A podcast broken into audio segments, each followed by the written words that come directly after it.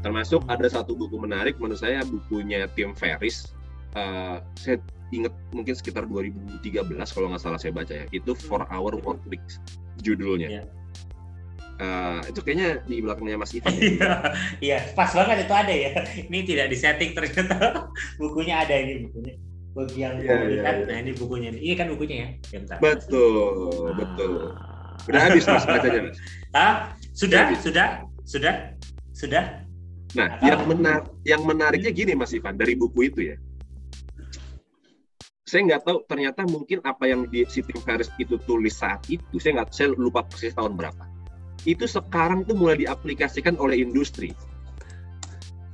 Jadi di yeah. buku itu, Tim Ferriss itu kan sebetulnya bicara gini, uh, konsepnya dia adalah gini, uh, lu lu bisa kok kan kebanyakan orang nih ya, dia kerja keras dari umur 25 sampai 55 untuk kemudian menikmati hidupnya di umur pensiun. Ya, Emang apa ya, sih umur ya. pensiun itu? Iya, lu bisa pergi liburan ke mana-mana, lu bisa ketemu siapa aja gitu. Terus uh, uh, poinnya dia adalah lu bisa kok ngelakuin itu nggak usah pensiun sekarang pun lu bisa lu atur aja cara kerjaan lu jadi makanya konsep for our working kan lu kerja seminggu tuh 4 jam kalau saya nggak salah ingat ya jadi kayak dia punya bisnis itu productionnya dia subkon ke sebuah pabrik packagingnya dia subkon ke sebuah vendor distribusinya dia subkon ke sebuah vendor ntar customer service-nya dia subkon ke sebuah vendor ada yang saya masih itu YMII YMII itu Your Man in India itu kayak virtual virtual assistant company lah. Yeah, yeah. Itu katanya dia sampai bisa nyuruh si virtual assistant itu untuk beliin bunga buat pacarnya. Ah. Dengan jam kerja yang yang lintas negara gitu ya. Nah, dengan baca buku itu pun di 2000 saya lupa 2014-an di perusahaan marketing marketing saya saya sempat mengeluarkan service virtual assistant. Karena membaca bukunya dia. Cuman ketika itu market kita belum teredukasi masih ketemu pengen ketemu fisik lah pengen di brief dulu apa segala macam segala macam lah eh sekarang apalagi ditambah pandemi ya kan konsep cloud kitchen cloud factory di mana orang bisa bikin resto tanpa punya kitchen kitchennya ada kitchen gabungan ya orang pengen punya iya. pabrik tanpa punya factory karena factorynya uh, uh, ini ya co ya apa barengan itu kan sebetulnya udah dia bahas itu 5-6 tahun yang lalu ya ya Benar. Bagi, buku menarik nih bagi saya nih. Makanya penasaran buat baca lagi nanti. Iya, benar sih Pak. Karena memang buku ini kan memang mengajarkan untuk kita berpikirnya produktif ya sebenarnya. Ya. Kamu nggak harus semuanya itu bisa kamu kerjakan gitu loh. Kalau emang kamu nggak bisa kerjakan, ya jangan dikerjakan karena itu akan menyita waktu kita kan. Betul, Seperti betul, betul. Iya, iya, iya, iya. Oke.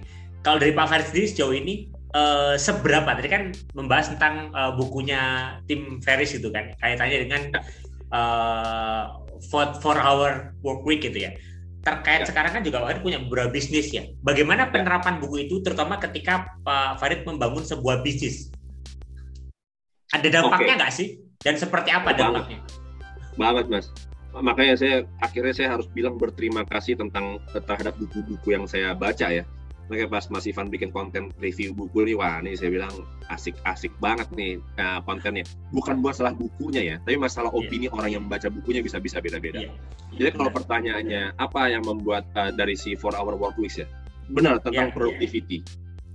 Tapi memang apa yang apa yang si Tim Ferris tulis itu di di situ tidak bisa serta merta aplik, applicable lah pada bisnis yang saya jalankan spesifik pada negara di mana saya menjalankan bisnis ya pada marketnya ketika itu ada satu dua sebagai hal minor karena saya di Rasidi Consultant pun kita bikin service namanya finance itu hmm. virtual finance division di mana klien kita tuh bisa menjalankan sebuah company tanpa punya divisi keuangan karena semuanya dilakuin sama orang kita. Nah itu kan salah satu terinspirasi dari bukunya si Tim Ferriss itu. Jadi dari sisi klien itu nggak perlu dia ngerekrut orang-orang banyak, apalagi buat non core bisnisnya mereka misalnya kalau pabrik ya orang factory-nya aja dia hire. Hmm. nggak orang finance accounting tax-nya diserahkan ke pihak lain lah. Nah itu kenapa kita masih di konsultan nge-provide uh, service-nya service itu gitu. Nah tambahan lagi mas. Ada juga uh, 80-20 rules kalau nggak salah. Saya agak lupa yang nulis siapa ya. Uh, hukum Pareto tuh. Hukum apa Pareto. Richard Koch ya kalau nggak salah ya. Iya Richard Koch. Richard Koch. Oke. Okay. nah saya nggak tahu ya Mas Ivan dan mungkin teman-teman pendengar Mas Ivan. kalau saya sih cukup sering ketika lagi baca buku gitu, terus dia menceritakan sebuah hal atau menyampaikan sebuah opini, terus kita, iya juga ya, oh iya ya, oh ini gue ngerasa ini banget gitu. Saya nggak tahu apakah saya doang, tapi saya rasa semua orang yang baca buku uh, mungkin pernah ngalamin atau sering ngalamin ngalamin kayak gitu. Nah, yang menariknya adalah baik 80-20 si 80-20 rules itu maupun si Tim Ferriss ini kan bicara productivity. Nah, Benar. ini juga yang pengen saya tunjukkan dengan apa yang saya kerjakan di bisnis saya bahwa sibuk itu tidak selalu sama dengan dengan produktif. Ini fakta yang baru saya temukan ketika ya mungkin uh, alam ngasih COVID ya, di mana ya. akhirnya bisa tetap jalan tanpa kita harus kantor, uh, apa namanya meeting nggak bisa tatap muka segala macam gitu. Bahkan di buku 8020 itu, buku itu bilang gini, kira-kira bahasa kasarnya. Coba deh lu ingat, momen kayak gimana ketika lu bisa menghasilkan produk terbaik buat bisnis lu yang bisa lu jual atau lu mendapatkan ide paling cemerlang yang yang lu aplikasikan di bisnis lu. Coba lu ingat, pasti itu momen di mana lu tidak sedang kejar-kejaran sama waktu. Artinya tuh momen lu sedang santai. Oh, saya langsung flashback dong ke 11 tahun saya running bisnis. Itu nama finance, service-service yang saya bikin yang akhirnya sekarang bisa menghasilkan miliaran rupiah buat uh, perusahaan saya. Hmm. itu bi biasanya saya hasilkan ketika saya lagi ngopi sendirian di sebuah coffee shop nggak ada teman lagi nggak buru-buru cuma ditemenin uh, segelas kopi dan pulpen dan buku notes saya coret-coret. Kadang sambil liburan keluarga saya coret-coret saya desain-desain terus ngomongin ke tim jadi bisa kita jual dan menghasilkan duit.